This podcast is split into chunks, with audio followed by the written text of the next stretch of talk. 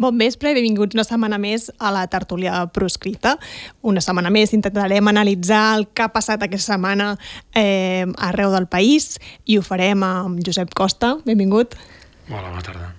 Eh, amb Albano Dante Pachín una setmana més en pantalla, diguéssim. Benvingut, Albano.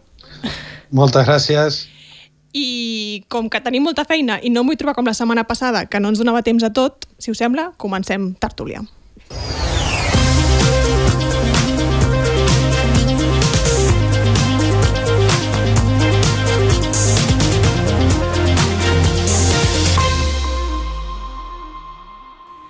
I és una distracció que l'Albano fa alguna durant eh, la, la musiqueta. Avui ens imitava, eh, diguéssim, amb les nostres posicions, que t'he de dir que aquests dies, que aquest Sant Jordi, que diversa gent m'ha parat, una de les coses que m'han dit és que hem de canviar aquesta careta. Bueno, ho deixem per la no. propera temporada, no?, si de cas. Que no els hi agrada. A mi, és, per mi, jo crec que és el moment més graciós de la tertúlia, però de llarg. Bueno, podem fer un, una enquesta a veure què opina la gent, no? Perquè de vegades la gent només et diu les coses que no li agraden, però no les coses que, que els agraden. bueno, posem-nos seriosos, ja hem fet la broma del dia, posem-nos seriosos perquè el que anem a parlar ara mateix és seriós. Uh, avui s'ha donat a conèixer que l'Audiència Espanyola ha tancat la investigació de les detingudes del 23S i malgrat que no hi ha res, perquè no hi ha res, diguéssim, aniran a judici acusats de terrorisme. No sé si això deu ser part de la de judicialització. Què en penseu? Bé, és evident que això és uh, la, un resultat de la gran política de desjudicialització que s'ha practicat. Um, és una... Sí, i és una, diguéssim, una gran també mostra de la neutralitat política dels òrgans judicials que mai eh, prenen decisions en campanya electoral que puguin interferir en el debat polític.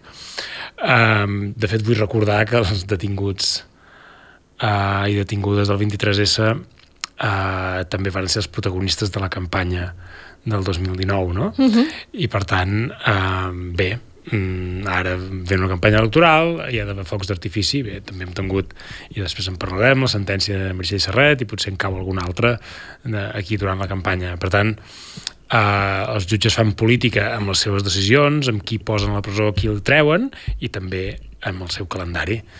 I, i en tot cas, pel que respecta a la qüestió de fons, que com dèiem és molt gruixuda, eh, uh mhm. -huh. perquè estan parlant, perquè tothom ens entengui, i més ho diu la resolució, eh, estan parlant, els acusen de dos delictes, no? de pertinença a grup terrorista i de... Eh, tinença d'explosius o materials uh -huh. que serveixin per fabricar explosius. El primer del delicte, um, dels delictes eh, es pot, eh, pot suposar una condemna de um, entre 6 i 12 anys i la, el segon entre 8 i 15. Estem parlant molts anys. Estan parlant més anys que la sedició, sí, sí. Uh -huh. Albano. Sí, um, jo en, en primer lloc, òbviament, eh, un pensament per, per tota aquesta gent que avui s'assabenta de que els demanen aquests 12 anys, eh, però que porten un munt d'anys amb una espassa a sobre, eh, amb un procediment eh, que els hi ha generat moltíssima indefensió, eh, jo he tingut l'oportunitat de participar en algun acte dels que organitzen els grups de suport eh, i també vull posar sobre la taula la importància que tenen aquests grups de suport al voltant de la gent que pateix eh, repressió, perquè avui en parlarem i segurament avui veurem alguns polítics doncs, eh, dient alguna cosa o no, ja veurem, eh, però després aquí tothom a seguir amb les seves campanyetes electorals, amb les seves balleruques i amb els seus pactes amb l'Estat i amb el règim borbònic. I, per tant, eh, vull, dir, vull ressaltar que la importància de, de, de tenir aquest tema sobre la taula sempre, no? i per això crec que és un encert que avui estiguem parlant d'això. Havíem de parlar de les municipals, uh -huh. eh, en parlarem, però crec que, que és important que avui a la tertúlia parlem d'això, que la gent a les xarxes parli d'això. Per què? Entre d'altres coses, perquè hi ha un munt de gent interessada en fer veure, i ho veurem en les properes hores, que, bueno, que aquí no passa res. I ho van veure en Pegasus, ho van veure amb, amb, amb tantes altres mostres de repressió de l'Estat, d'aquesta desjudicialització que no es veu per enlloc, eh, i, i una de les coses que veiem repetides és que des d'aquí, des de Catalunya, des del govern de la Generalitat, des de les cúpules dels partits, moltes vegades s'intenta fer veure que aquí no passa res, que tranquils, com a molt farem un tuit i demà ja seguirem amb les nostres uh, qüestions. No, no podem. I, i, i, i, i posem les cartes sobre la taula. Abans en Josep deia uh, aquesta oportunitat electoral. Efectivament, recordem que la detenció aquesta uh, es va fer crec que era just davant de la repetició de les eleccions generals de 2019, va tenir un impacte enorme perquè recordem, recordem que, primer, com es van apuntar tots els mitjans de comunicació a, a, a la campanya de criminalització. Tots no. Bueno, no, no. no tots els que ho van fer, sí. tots els mitjans que ho van fer, no? I no, no faig la llista perquè la majoria, seria més fàcil sí seria més fàcil fer la llista dels que no s'hi van apuntar. Però jo vull dir una cosa... No devien ser gaires més, diguéssim, aquesta llista. No, per desgràcia pocs, no. Pocs, pocs. Re bueno, eh, escolta'm, eh, recordem, és que no només va ser la, caver la caverna madrilenya. No, no, no. Uh, va Polítics ser La Vanguardia, van ser tertúlies aquí, acabo aquesta primera intervenció, podria dir moltes coses perquè em fa especial ràbia tot això, però um, recordem com tots aquests mitjans que es van apuntar eren una peça fonamental en l'acció de la Guàrdia Civil, que a més a més es va convertir en peça fonamental de totes les declaracions dels polítics espanyolistes i dels polítics autonomistes eh, en contra no només d'aquestes 12 persones, en contra de tot el moviment polític. I això crec que és, és molt important. És molt important estar al costat d'aquestes 12 persones, però també és molt important entendre que estem davant d'una agressió al moviment polític. Tots recordem a Pedro Sánchez. Recordeu tot això de, de, de, de, de que combinaven a Torra a, a condemnar la violència i es va, es va des, de, desfermar una cacera de bruja on tothom havia de condemnar la violència. Doncs aquí estem encara. Bueno, perquè, en definitiva, aquest cas s'ha utilitzat per, per fer quallar una idea d'independentisme igual a terrorisme. Just és el que, el que ara volia dir, començant mm -hmm. aquesta segona intervenció, que eh, aquí no estan acusant a 12 persones d'activitats terroristes o de tenir explosius o d'uns fets que són completament inventats, que tots ho sabem, aquí estan acusant-nos de terroristes a tots els independentistes i ara, com deia en Albano, estan eh, intentant criminalitzar tot el moviment. I ho van intentar en el seu moment i, i a part de la campanya electoral també vull recordar una altra cosa, que és que aquestes detencions també eren eh, un avís a navegants per les mobilitzacions que es preveien importants eh, amb la sortida de la sentència del procés. Eh? És a dir, aquestes, eh, aquesta redada, aquesta ràtzia que van fer uh, des de l'Audiència Nacional va arribar doncs, dos, setmanes, dos o tres setmanes sí. abans de la dictar la sentència. Clar, ells, evidentment, supos que sabien quan anaven a dictar la sentència. Era relativament conegut quan havia de sortir perquè s'acabava el termini legal uh. -huh. de la presó preventiva dels Jordis i, per tant, l'havien de dictar uh, com abans millor. I, per tant, això era un escarment a gent que estava, uh, diguéssim, legítimament a, pensant en quin tipus de mobilitzacions volien fer, segurament, com estava tot el país pensant en quin tipus de mobilitzacions volia fer en resposta a, a, a l'agressió que eren les sentències, i això era un avís a navegants que mm, made in audiència espanyola, eh? és a dir, aquesta audiència que ha fet de tot tipus de vulneracions de drets i s'ha fet tot tipus de, de, de muntatges judicials per perseguir a tota la dissidència política de l'estat espanyol, en el seu moment també a, al País Basc o també a gent per temes de llibertat d'expressió, que han, que han no, per enaltiment del terrorisme, que n'han perseguit moltíssima gent, entre d'altres, per exemple, en Valtònic, no? Uh -huh. uh, és a dir, hi ha moltíssimes causes que són uh, autèntics despropòsits, sense cap fonament, i que, i que són criminalització pura i dura d'un moviment polític i jo aquí també, ara, quan venia, recordava una, una anècdota, que és que que l'audiència espanyola té la fama que té, uh -huh. eh, i diuen, o s'ha explicat, i ara no recordo eh, on exactament s'havia explicat, que quan els, eh, els eh, presos polítics de l'1 d'octubre, no? els membres del govern de l'1 d'octubre que van anar al Tribunal Suprem davant el jutge Llarena, eh, en un moment determinat, no sé si davant ells o davant els advocats, va deixar caure tranquils que això no és l'Audiència Nacional, no? Uh, uh, I clar, menys mal que no era l'Audiència Nacional, perquè déu nhi també a tota la vulneració de drets que s'han comès al Tribunal Suprem. Però, és a dir, fixeu-vos que el Tribunal Suprem, amb tot el que ha fet i amb tot el currículum que té en, en, en la causa general contra l'independentisme, sembla ser que opina que l'Audiència Nacional és pitjor encara. No? I, per tant, jo crec que eh, està bé, diguéssim, posar aquest context, que, que l'Audiència Espanyola és, una, és un niu de muntatges eh, eh, judicials, policials, i que no, no ens podem creure res del que surti d'allà i, que, i supos que molta gent hauria de fer diguéssim una reflexió del seu silenci, del seu posar-se de perfil o del seu donar credibilitat al muntatge policial que és aquesta causa del 23S. Per això volia preguntar, eh, Espanya ha fet servir aquestes acusacions per trencar l'independentisme? És a dir, durant molt de temps eh, la unitat de l'independentisme es va aguantar per la repressió, diguéssim. És a dir, l'únic que es posaven d'acord era defensar la repressió. En aquest cas, aquí ja no tothom ho defensa i el cas de Laura Borràs ja la, la unitat per la repressió ja desapareix del tot. Bueno, jo, jo recordo...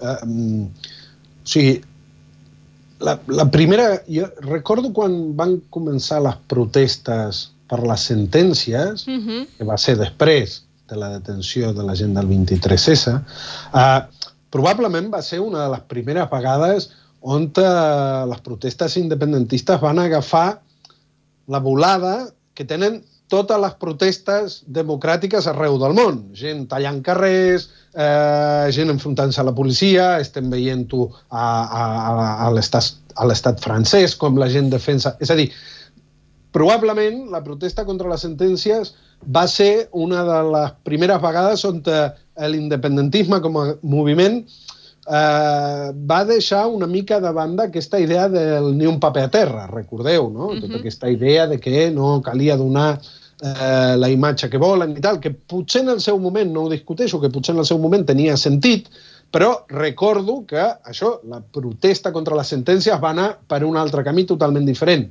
I malgrat que després de molts anys de ni un paper aterrisme doncs, aquelles protestes contundents, sobretot eh, en moltes ocasions protagonitzades pel jovent, eh, al principi tothom va mm, quedar una mica sorprès, però ràpidament eh, va haver-hi una, una capacitat de, de, de llegir el nou moment antirepressiu i el nou moment de lluita, de dir, escolta'm, eh, el jovent se manifesta, la policia reprimeix i aquí cal plantar cara, no? Doncs, en el cas del 23S, recordo que per una, per una banda vam veure com sectors que normalment es creien eh, els muntatges mediàtics, eh, també va passar amb la Tamara Carrasco, eh, sectors que es creien els muntatges eh, se'ls van deixar de creure. I, i jo crec que això és una cosa que ha anat passant en relació al moviment independentista i que és positiva, de dir, ens hem blindat una mica en, uh, en, en, en cultura antirepressiva com a societat. Ara bé, tu apuntaves perfectament, els partits segueixen funcionant uh, en, en una tònica antiga. Uh, jo aquestes últimes hores recordem això dels siete locos i que si hi ha fascistes con estelades, és a dir, els Siete Locos de Tardà i, uh -huh. i, i aquelles declaracions de Gabriel Rufián a, a un telediari de, de televisió espanyola, on te, és a dir, on es quedava demostrat que la societat catalana davant d'aquests muntatges havia pres molta més consciència antirepressiva que els representants, no? I, i, i bueno, veure, veurem com es reaccionen aquestes properes hores, perquè jo ara estava mirant per Twitter i eh, bàsicament el que veig és bastant de silenci. El, el govern em sembla que no ha dit res encara. Jo he vist un tuit de Carles Puigdemont, és de moment. El, el... Recordem que ho gravem prèviament això, eh? que són les 4 de la, de la tarda. Sí, no, el, jo crec que has fet molt bé de recordar també el cas de Tamara Carrasco, perquè Tamara Carrasco va començar acusada de terrorisme uh, i va acabar absolta. És a dir, va estar complint una pena de confinament uh, que no podia sortir del seu poble uh, i al final va acabar absolta. No se li va trobar cap delicte. I això és... Uh, diguéssim, mm, des del meu punt de vista, és el mateix cas amb aquestes eh, 12 persones que estan aquí en aquesta causa acusades d'aquestes barbaritats que diuen, no? Uh, que són innocents, que són lluitadors uh, activistes per la independència, jo en conec personalment alguns, que més, uh, diguéssim, lluiten amb una energia i amb una determinació considerant les penes que els demanaran i que, i que s'arrisquen, és a dir, que per tant mantenen una dignitat que ja voldríem amb tota la classe política quan eh, no s'arronsen per simples amenaces d'inhabilitació, doncs aquesta gent, eh, no? tu has coincidit, Albano, em sembla, eh, també, no? amb ells a xerrades, amb actes públics, i els sents a parlar i dius aquesta és la gent que lluita i aquesta és la gent que sap plantar cara davant la repressió, no? que, uh -huh. que, mhm. que saben que poden anar a la presó, que han estat a la presó, ja hi han estat, i que han sortit eh, amb ganes de seguir lluitant i amb més forces. No? L'estat espanyol es va inventar una rebel·lió. L'estat espanyol es va inventar una sedició i s'ha inventat un cas de terrorisme. S'ha inventat una organització terrorista i tot una, uns explosius inexistents i tot això, evidentment, és eh, per això que deia abans, per acusar-nos a tots nosaltres de terrorisme. Tinc un, una pregunta. Eh, des de les detingu, detinguts del 23 sempre han dit i han manifestat i s'han queixat que hi ha hagut eh, represaliats de primera i de segona. S'ha sigut just eh, eh, amb aquests, amb aquests detinguts? És a dir, se'ls ha donat prou suport des de la societat civil eh, o, o s'ha sigut injust amb ells? Albano. Jo, jo sempre penso que, que sempre, sempre eh, anem curts a l'hora de, de donar suport a les persones que individualment pateixen en la pròpia carn la, la repressió.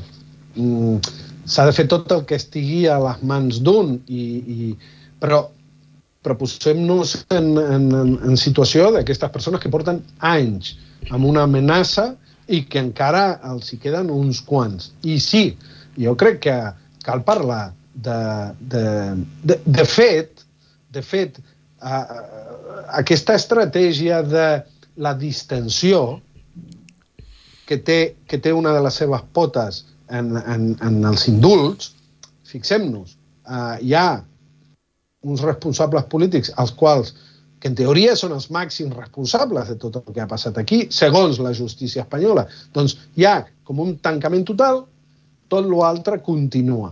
I per tant, a mi el que em sembla preocupant és que davant de la realitat que estem veient, que és que la repressió continua, els mateixos representants polítics que han gaudit de la gràcia de l'Estat no siguin absolutament contundents a l'hora d'estar al costat de qui segueix eh, patint la repressió. És a dir, eh, a mi em farà vergonya veure demà com continuen aquí les campanyes electorals municipals com si no hagués passat res, com si aquesta mateixa setmana, aquest mateix 23, no haguessin també demanat presó per altra gent que està sent eh, perseguida. És a dir, eh, em, em, de veritat que em, em sembla tremendo. Mira, ara m'ha fet venir al cap una entrevista que vaig fer amb l'Ester Canet, una de, de, de les detingudes, eh, i, i recordo que justament parlàvem d'això, no? i em va dir, han indultat a, a nou persones, eh, però ens han fet dolents a nou persones. No? És a dir, com els van indultar uns, però els altres, llavors la repressió els hi va caure amb, amb, més, amb més força, d'alguna manera. És que clar, és que amb aquesta causa tot l'efecte balsàmic dels indults eh, te l'emportes, diguéssim, d'un cop, perquè pots eh, tancar més gent, més temps del que eren els indultats a la presó, no? I per tant, eh, veurem. En tot cas, aquí hi ha una cosa que, que també crec que eh, és la nostra responsabilitat de, de, de ponderar el discurs, és a dir, hem de Mm, reafirmar-nos en la lluita, ens hem de solidaritzar amb els, represaliats, hem de denunciar les operacions d'estat i les mentides d'estat, però tam també hem de ser conscients que eh, ara som en una fase, o almenys és el que jo pens, en què la repressió eh, d'alguna manera la tenen modulada o la tenen en moda eh, fer por. No? Uh -huh. És a dir, eh, que ara com a mínim una part de l'Estat ha demostrat que eh, si amb la repressió ens fan por i, en, i ens quedam a casa i els polítics no fan res i tots, eh, diguéssim, tornen a aquesta pau autonomista, que aleshores el, la cosa va d'estirar el xiclet. Perquè jo vull recordar també que aquesta és la segona vegada que es tanca la instrucció d'aquesta investigació. És la segona vegada que intenten portar-ho a judici, ja es va eh, tornar enrere una vegada, i que ja sí que eh, és massa evident que hi ha aquesta voluntat d'estirar el xiclet. De que l'amenaça d'anar a la presó veuen que funciona més que tenir gent a la presó. Uh -huh. I, clar, si els hi funciona massa l'amenaça de la presó sense tancar ningú la presó, eh, també hi ha una part nostra d'intentar que això no passi. I que és la gran càstig, que molts represaliats ho han explicat moltes vegades, no? que aquests cinc anys que estàs pendent de judici, que no pots acostar una manifestació, que qualsevol cosa eh, se't, se posa en perill, molt més perill la teva integritat, eh, doncs complica tot molt. Albano, me'n demana pas. Sí, Mira, eh, abans deia que jo anava mirant Twitter per veure uh mhm. -huh. reaccions i ara mateix llegeixo que Alerta Solidària, que és qui ha estat al costat, entre d'altres, de, de la gent del, de les detingudes del 23S, diuen uh, una cosa, ens, us llegeixo mhm. textual, uh -huh. ens assabentem per la premsa que el jutge Manuel García Castellón torna a tenir pressa per tancar el cas de les detingudes del 23S i diu volen impedir-nos l'accés als documents que demostren que qui se salta les lleis són ells. És a dir, eh, dir seguim no? aprofundint en aquesta, en aquesta vulneració de drets. Sí, sí. Quan, quan estem parlant de les vides estem parlant de les vides de persones, perquè quan, quan se parla de, de 12 anys de presó, estem parlant de les vides de persones i aquí eh, amb una frivolitat total, no? Mm -hmm. Eh, bueno, des d'aquí, tot el suport i em sap greu, però canviem de tema. Eh, sí, Silvano, abans de canviar. No, no, no, molt, molt. Abans s'ha dit, en, en aquest programa hem parlat altres vegades de, de, la, de la desjudicialització. En Josep sempre ha dit que tenir com a objectiu la desjudicialització és, és, eh, és un tret al peu al moviment independentista, però fins i tot si ho acceptéssim, aquesta desjudicialització està tenint el mateix efecte que el blindatge del català, que la gestió dels fons europeus, que les inversions al corredor mediterrani, que el traspàs de rodalies. És a dir, cap. I que la llei d'habitatge. D'acord, ens apuntem. Canviem de tema i parlem de Clara Ponsatí, perquè aquest dilluns l'Arena havia citat a Clara Ponsatí a Madrid. Eh, com ens imaginàvem, encara que, encara que la Clara no ho havia deixat clar, la Clara no va anar a Madrid. Eh, la sorpresa per això no va venir, en, en aquest cas, per, per lo de la Clara, que ja preveiem, sinó per com l'Arena eh, va actuar, no? diguéssim, contràriament al que anaven dient alguns mitjans espanyols, alguns fans de, de Llarena, eh, no s'atreveix a, a ordenar l'ordre de la captura de Ponsatí. Eh, això demostra que una feblesa per part de Llarena? Jo crec que sap que està en terreny pantanós. Ja no es va atrevir a importar-se a Madrid la primera vegada que la van detenir i de, també d'aquí plora la criatura una mica, perquè si la primera vegada... Si, si tens una ordre de detenció perquè te la presentin davant el tribunal i quan la detenen no demanes que te la presentin davant el tribunal, ara com justifiques tornar-la a detenir?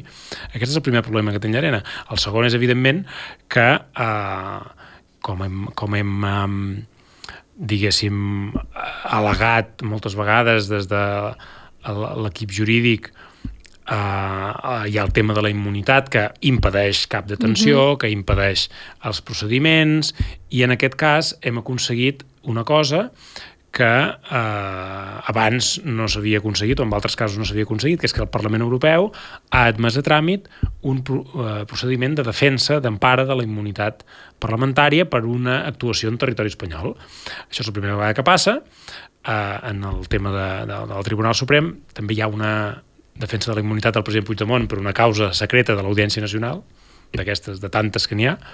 Um, però, en tot cas, el, la qüestió aquí és que el Tribunal Suprem no s'ha atrevit a fer segons què. I a més s'ho ha trobat per sorpresa. Jo crec que això no s'esperaven que um, la Clara Ponsatí no només digui no venc a declarar perquè tinc feina al Parlament Europeu, cosa que es podien haver imaginat si posaven la situació un dia que es reunia el comitè a la que ella pertany. Uh, L'altre és que li dius, escolta, però és que aquesta causa que tu tens en marxa vulnera la immunitat i el Parlament Europeu ho està estudiant. I aquí el, el Tribunal de Justícia t'obliga a um, aturar, aturar màquines a no prendre cap decisió mentre el, Tribunal, eh, perdó, mentre el Parlament Europeu no digui si la immunitat aplica o no aplica en aquest supòsit.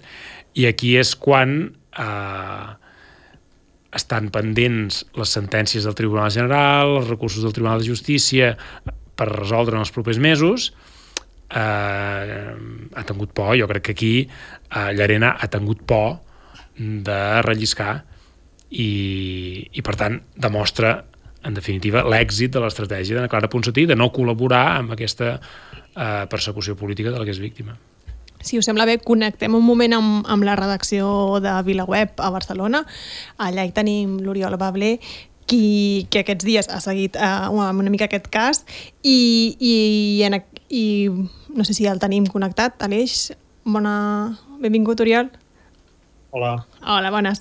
No, que volíem preguntar-te una mica per la sentència marrà que va posar damunt la taula Boye i que s'ha convertit una mica amb el mal de cap de Llarena. No sé si ens podries explicar una mica què és aquesta sentència, aquest precedent i per què és important.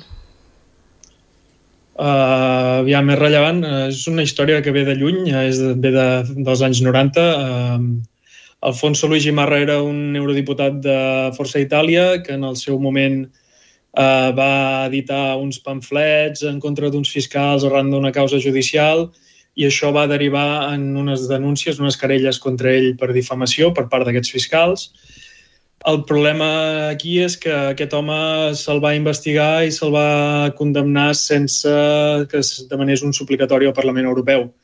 I allò que va fer també va ser fer una petició d'empara de la seva immunitat al Parlament Europeu, i tot això va anar evolucionant fins que el que seria el Tribunal Suprem o el Tribunal de Cassació d'Itàlia va fer unes preguntes prejudicials al Tribunal de Justícia de la Unió Europea en què el 2008 eh, va fer la, la famosa sentència marra que Boye va portar l'altre dia davant de Llarena, en què es diu que bàsicament que els òrgans estatals i el Parlament Europeu han de cooperar perquè no hi hagi conflictes en la interpretació de, del que serien les immunitats i a la vegada deixava constància també que quan el jutge és informat que hi ha aquesta petició de defensa o d'empara de la immunitat, té el deure de suspendre qualsevol actuació judicial a l'espera de que es pronunciï el Parlament. I aquí és, és on es troba ara mateix la situació de Clara Ponsatí, s'ha tramitat aquesta petició d'empara i Llarena, en comptes de fer el que s'esperava, que era la, el dictar aquesta ordre de detenció dins de l'estat espanyol, doncs ha donat cinc dies de marge, s'ha donat cinc dies de coll perquè les parts es posicionin, perquè Gonzalo Boye li tradueixi tota la documentació a l'espanyol, perquè sembla que els originals de la sentència no els entén, i, i sembla que intenta d'alguna manera fer-ne còmplices d'una patinada a la resta de les parts de la causa. Però de moment s'ha donat aquests cinc dies de marge per, bàsicament, suposo, no posar... per no, per no ficar la pota. Per tant, eh, dilluns eh, sabrem novetats, diguéssim, de tot plegat. És a dir, dilluns s'ha de tornar a pronunciar. Serien aquests cinc dies? Uh, és previsible que ho tingui tot tancat el dilluns i falta veure si, si ell uh, dicta una interlocutòria el mateix dilluns o espera, espera un altre dia. Però segurament serà en breu, sí. El que no serà tan breu serà la resolució d'aquesta de, de, defensa de la immunitat al Parlament Europeu. Això pot tardar mesos, perquè diguéssim que en el moment en què la presidenta Metzola comunica al ple del Parlament que ha fet aquesta tramitació i l'ha passat a la Comissió d'Afers Jurídics, això, si no vaig errat, és l'endemà de la detenció, 29 de març, i fins aquesta mateixa setmana que no hi ha hagut el fet aquest de que Clara Ponsatí no s'ha presentat al Suprem, no teníem ni idea de qui era el ponent d'aquesta petició d'empara, que sorprenentment és Àngel Danbatsky, que és el mateix que va fer l'informe sobre el suplicatori de Ponsatí, Comín i Puigdemont. Que té molta polèmica, també, aquest home. Sí, sí, sí. Aquest senyor, jo crec que se l'acostuma a titllar d'ultra, però crec que l'adjectiu que li cau millor és neonazi, perquè ha fet la salutació feixista dins del, dins del Parlament Europeu sense cap mena de vergonya. Doncs moltes gràcies, Oriol. A vosaltres. Fins la pròxima. Eh, Josep, Um, Tot plegat. Hi, hi ha una cosa que, que, que voldria afegir o voldria Sí. complementar. Evidentment, tot el que ha dit n'Oriol és, és correcte i, i, i ens, eh, ens ajuda molt A també a, sí. a explicar i situar-nos.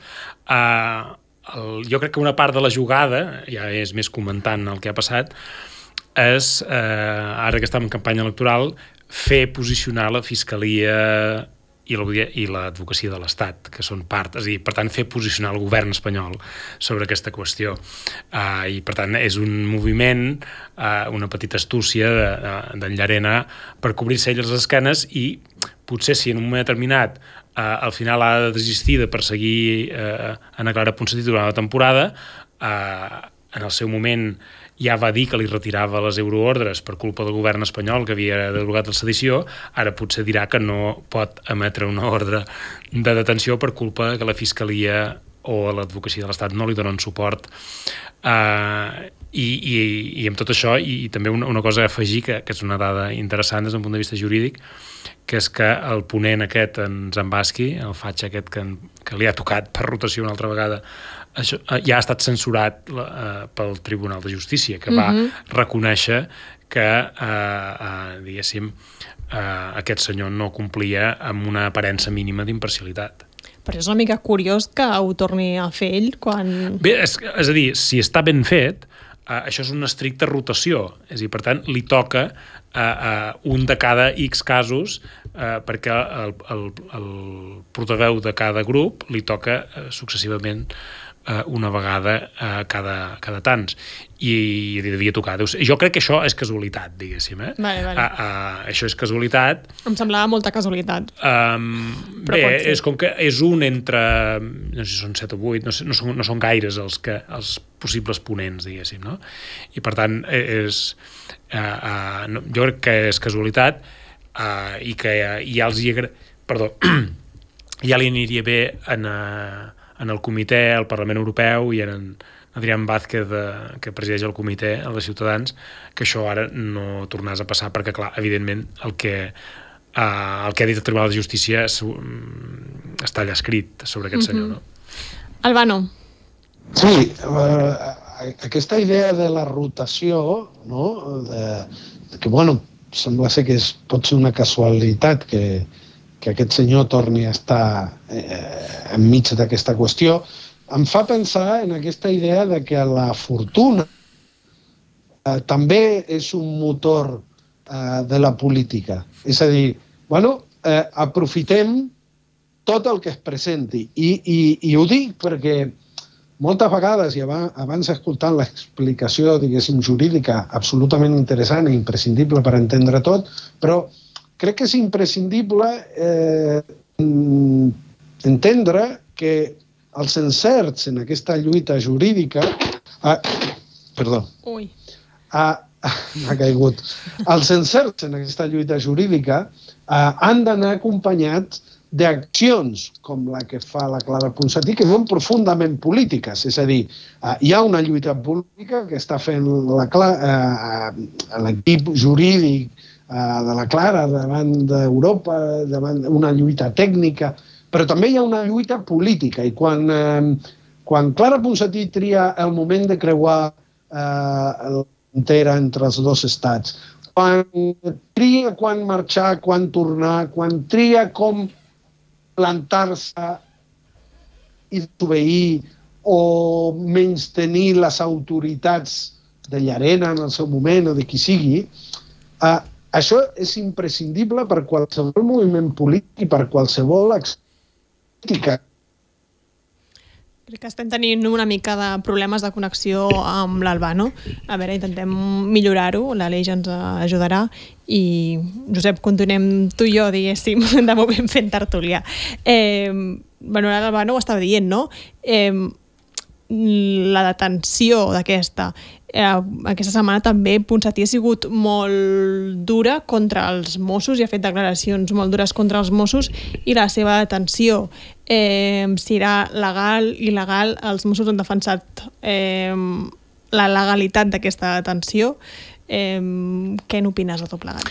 Bé, eh, també ha sortit eh, o ha transcendit eh, un document que no, no és gaire conegut en què la, la direcció dels Mossos explica en, en, en els tribunals que la detenció és feta per iniciativa pròpia quan veuen que hi ha na Clara Ponsatí fent una roda de premsa a Barcelona, comproven que hi ha un ordre de detenció contra ella i munten un operatiu que supos que devien tenir planificat en el, ja de, per sempre i, i que l'activen la, la, i, el, i ordenen la detenció sense que ningú els hi faci una trucada des de Madrid o sense que ningú els hi faci una trucada d'enlloc. Per tant, diguéssim, es tracta d'alguna manera de, de eh, explicar o, o deixar constància que aquí el, el, el, eh, els Mossos són obedients amb l'amo, amb el que mana, eh, i que no cal que ningú els avisi, que ningú els hi recordi, que eh, Clara Ponsatí té un ordre de detenció. Clar, aquí es poden picar els dits, no? És a dir, perquè jo crec que aquesta detenció és il·legal, ho he dit, i, i de fet eh, n'he parlat amb la Clara Ponsatí, jo crec que això és motiu d'una querella criminal per detenció il·legal, i eh, bé, com que la història encara no ha acabat, tampoc mm -hmm. no hi ha pressa per posar-la, però eh, que, que pot donar lloc a una, unes actuacions, sobretot quan el Parlament Europeu ha reconegut que aquesta detenció afecta la immunitat de Clara Ponsatí, perquè el fet que admeti a tràmit la defensa de la immunitat que ha demanat de Clara Ponsatí ja està certificant que aquesta detenció concerneix el Parlament Europeu en la mesura que ella és eurodiputada i té immunitat parlamentària. Si no tingués immunitat parlamentària no tramitarien la defensa d'aquesta immunitat, no? I per tant, eh, na Clara eh, Ponsatí ha pogut centrar, diguéssim, el conflicte en el lloc allà on, en el terreny allà on interessa, que és, un, uh, uh, Llarena es troba entre l'espàs i la paret perquè faci el que faci és un problema, uh, al final decideix recular, no? ella fa una passa endavant i Llarena ha de fer una passa endarrere i aquesta ja és la segona que ha de fer uh, um, per la diguéssim, per l'estratègia d'anar Clara Ponsatí. I clar, això és una novetat. Això ho he comentat alguna vegada, que, que, que és nou, que el Tribunal Suprem hagi de recular i que reculi davant eh, la gent més ferma i la gent més determinada a l'hora de plantar-los cara.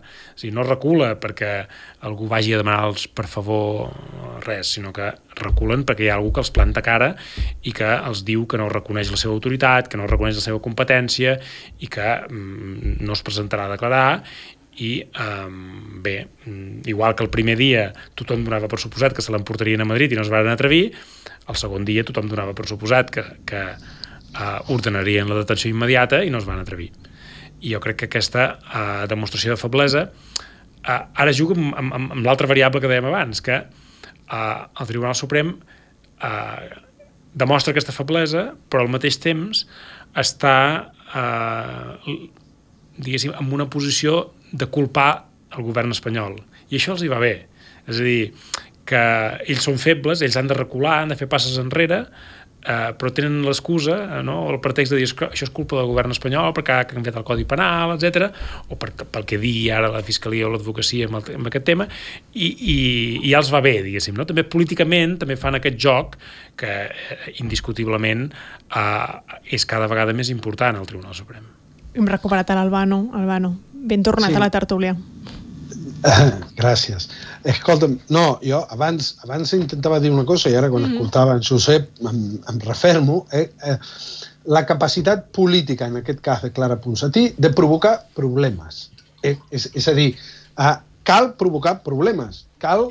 mm, Ara, ara dèiem, ostres, au- hi ha un enfrontament entre, no sé, i Arena i el govern del PSOE per culpabilitzar... Perfecte, quan més es barallin ells, quan, quan, quan més eh, a, a contribuïm a desestabilitzar la seva presumpta estabilitat, millor. I jo crec que és molt important. I és molt important perquè justament eh, s'ha obert un debat dintre de, de la, del, dels, dels partits, no? vull dir, eh, les declaracions de Vilalta uh -huh. defensant presentar-se davant Llarena com una manera de demostrar al món no sé què. Aquesta moralina, aquesta moralina terrible des d'un punt de vista polític, de, de jo em sotmeto i, i, i, i ens deixem agafar i ens deixem castigar perquè així demostrem al món que ells són dolents i nosaltres som els bons.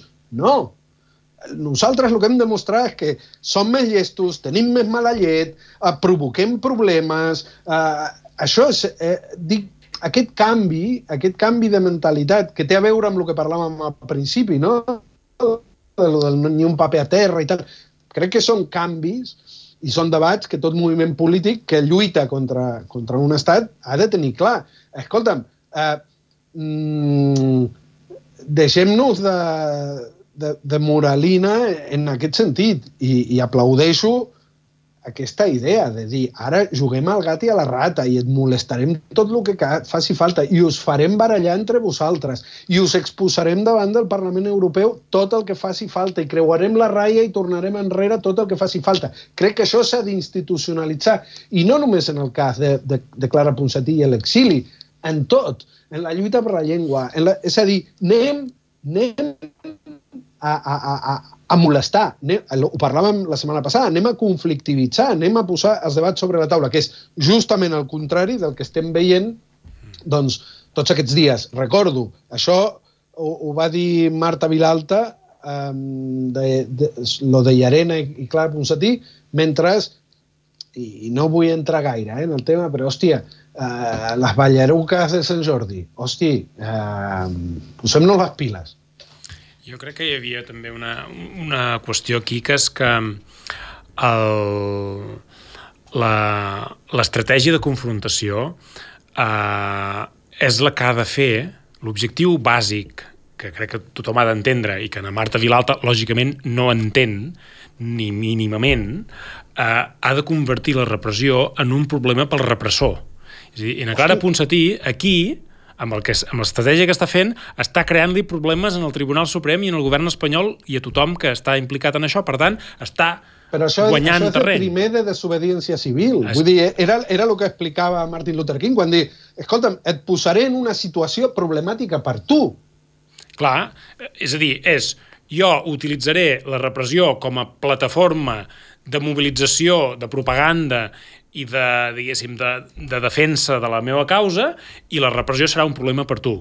I això és el que està eh, aconseguint la Clara Ponsatí amb, amb, una situació que efectivament eh, ara mateix no li comporta risc de presó, però que, però que bé, que no sé, si l'han d'ordenar de tenir cada vegada que, que no es presenti, la podrien arribar a tenir moltes vegades, no? I, i, i escolta'm, i ella a, a persistirà i, i no, no recularà com han fet sense anar més lluny, gent que no tenia ni el més mínim risc de ser detingut, digues. Em, curiosament... Perdó, perdó. Sí, Ai. bueno, digues, digues. No, no, no, una cosa, que ara estem parlant de, de Clara Ponsatí, però mm, jo recordo estar a les portes dels jutjats de Girona, la gent encausada per l'AVE, i tenien aquesta mateixa consciència, de dir, no anirem a demanar perdó, eh, no anirem a, a veure si ens baixen... Anaven desafiants, desafiants contra eh, els Mossos que s'acusaven. És a dir, que per sort hi ha tota una part del moviment, abans que començàvem parlant de la, de la repressió que afecta a tots els nivells, hi ha una part del, de l'activisme de base i dels, rep, de, dels represaliats eh, que no són famosos, diguéssim, que també estan adoptant aquesta estratègia de plantar-se i no demanar perdó. Uh -huh, I tant. Anava a dir que, curiosament, mmm, quan va venir, com va tornar de, de l'exili a Barcelona, Clara Ponsatí, començava al cap de molt poc el judici de Meritxell Serret i justament eh, aquesta setmana que Ponsatí tornava a ser notícia per no anar a declarar davant de Llarena eh, m'ha sortit la sentència de Meritxell Serret. Dues estratègies diferents de retorn de l'exili no sé si podeu fer una valoració de la diferent estratègia perquè en realitat eh, no sé quin és el guany de tornar de Meritxell Serret perquè mm, Bé, jo crec que, que, que potser es podria argumentar que quan ell estava a l'exili, tot i que tots sabíem que només l'acusarien de desobediència i que per això no havia emès euroordre contra ella, perquè la Meritxell Serret estava a l'exili, però no tenia cap tipus de persecució a, a, a nivell europeu quan estava a l'exili, des del 2019, i per tant eh, l'únic dubte, entre cometes, que tenia era si l'acusarien de malversació perquè no li havien retirat el càrrec encara de malversació. I per tant va fer aquesta negociació perquè li reconeguessin el que ja tothom sabia, que és que no, no l'acusaven de malversació i que era molt fàcil de veure i que no calia anar a negociar amb el Tribunal Suprem a eh, la data del seu retorn eh, per, eh, pel tema de que si li retiraven o no li retiraven l'acusació de malversació, que en el cas d'en Lluís Puig, que sí que li mantenen la malversació, li havien emès un euroordre, en el cas de Magí Serret, que no la volien acusar de malversació, no li havien eh, emès euroordre, per tant ja era evident que la cosa anava així, no calia negociar res, no calia humiliar-se anant a, a davant al Tribunal Suprem. I, i, i el guany, el guany de Maria Serret, si, si algun càlcul es pot fer en aquests moments, és que la seva pena, després de 5 anys, eh, és 8 mesos menys que els tres consellers que els varen condenar per desobediència, és a dir, eh, conseller Mundó, eh, Borràs i, I Vila, i Santi Vila els van condemnar a un any i vuit mesos i a eh, consellera Serret l'han condemnat a un any.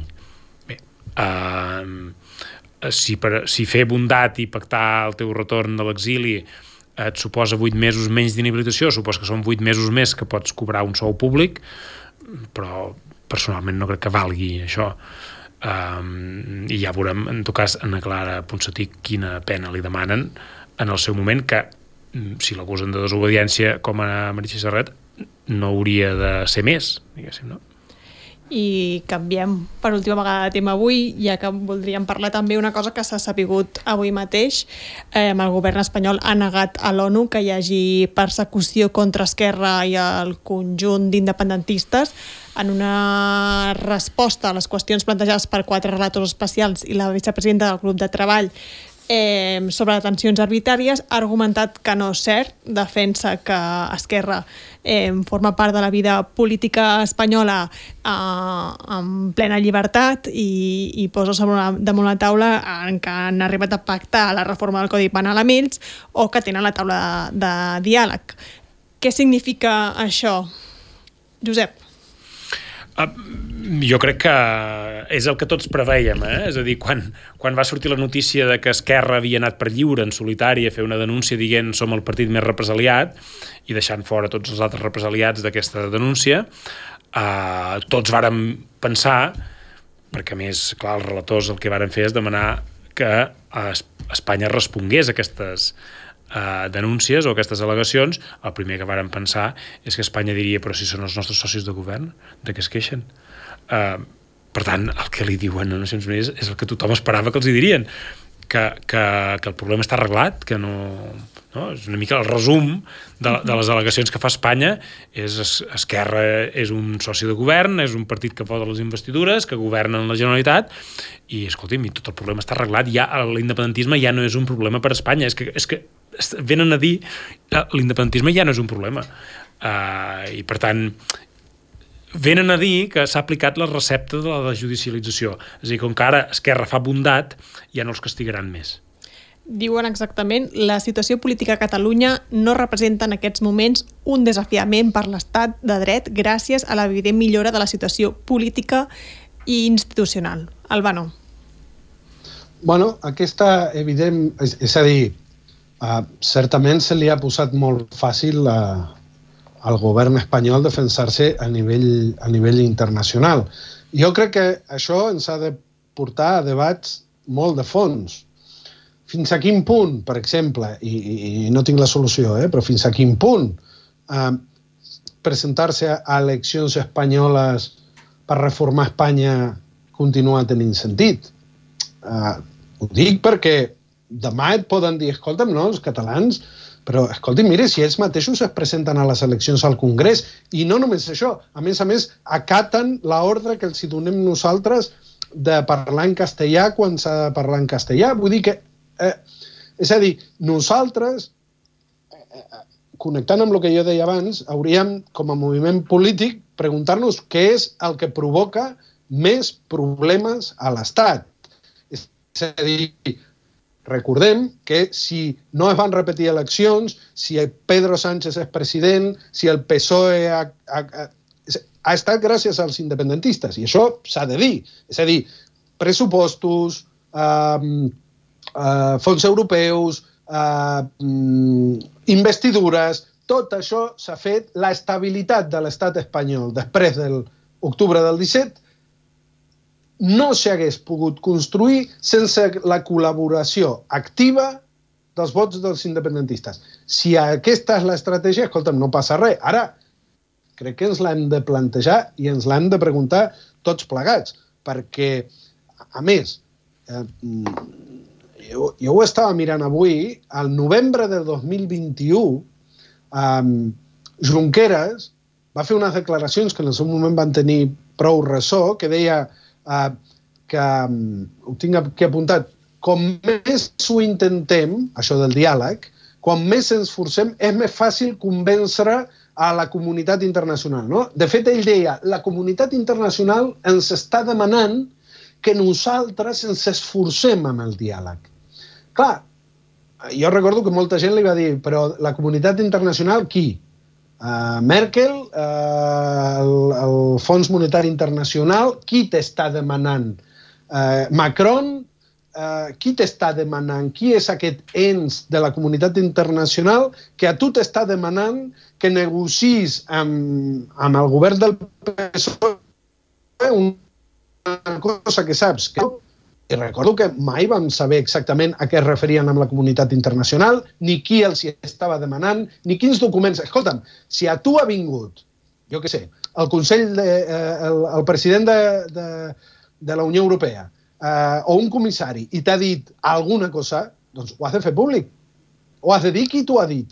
Si no, el que estàs fent és fer el trilero. Per què? Perquè, escolta'm, pot, eh, la comunitat internacional qui és? Els països que tenen acords amb l'estat espanyol, eh, és a dir, la comunitat internacional ja té prous problemes com per tenir un altre problema. Per tant, la comunitat internacional, igual que Llarena, igual que tothom, si tu no provoques un problema el més gros possible, eh, tu desapareixes. I insisteixo, eh, jo recordo, i no, i, i no és propaganda perquè, perquè eh, el Front Republicà no es tornarà a presentar, ni, ni, és a dir, nosaltres anàvem a, recordo la campanya electoral, de dir no, no investirem ningú, que repeteixin eleccions fins, fins que se'ls acabin les paperetes, que, que la Unió Europea hagi de veure com un dels grans països de la Unió Europea és ingovernable per la violència exercida contra una minoria dintre de l'Estat. En comptes d'això, en comptes d'això, tenim Rufián pactant amb al règim borbònic, perquè això, perdoneu que m'exalto una mica, però és que, és que clama tant al cel que avui tenim l'independentisme al Congrés pactant amb el règim borbònic. I documents com aquest del, eh, que, del que estem parlant són la prova.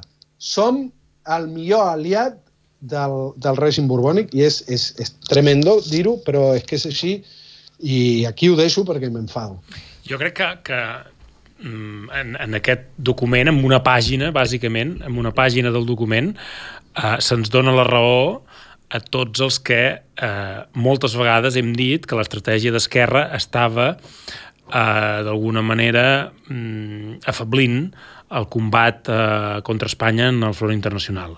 És a dir, aquest document que envia Espanya als relators de Nacions Unides parla de la taula de diàleg, parla dels indults, parla de la reforma del Codi Penal, dels desordres públics agreujats, parla de la reforma de la malversació, parla de les, inclús de les comissions bilaterals Estat-Generalitat.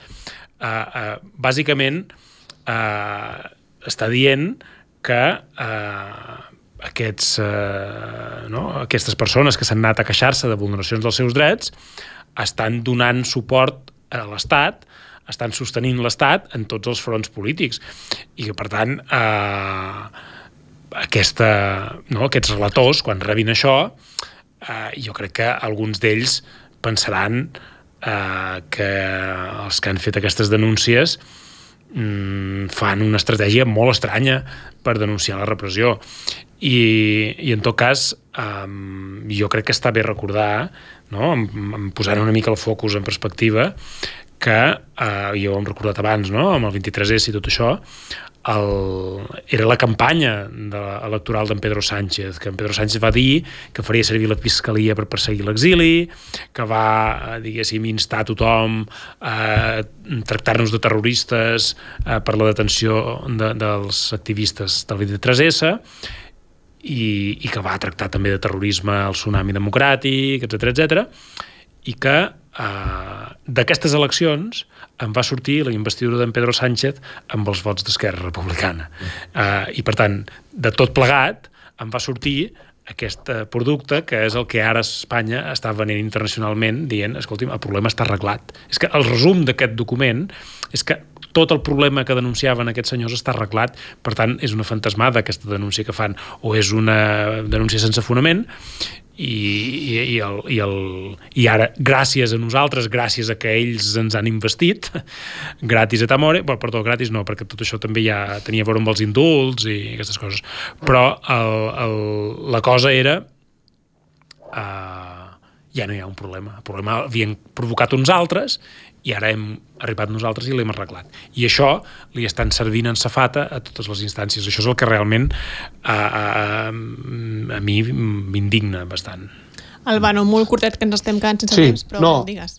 Sí, sí, no, m'he llegit el document sencer, entre, entre d'altres coses, el govern espanyol també treu pit de la seva gestió de, del, del cas de Pegasus, amb, amb la qual cosa es pot veure la magnitud de la desvergonya. Acabo ah, s'haurien de preguntar també eh, el ressò mediàtic que ha tingut aquest document ha estat molt nul, molt, molt, molt suau, és a dir, eh, Vilaweb ha cobert l'aparició la, la, eh, d'aquest document, però això hauria de ser portada i sembla que no ho serà en les tertúlies oficials. No he tingut temps seguir les restes de tertúlies, però bueno, aquí sí que ha sigut portada, diguéssim, d'aquesta setmana de tertúlia proscrita, que la deixem d'aquí, la tanquem, diguéssim, avui aquí, però ens veiem la setmana que ve, un dijous més aquí, tots tres farem tertúlia proscrita. Fins la setmana que ve. Gràcies.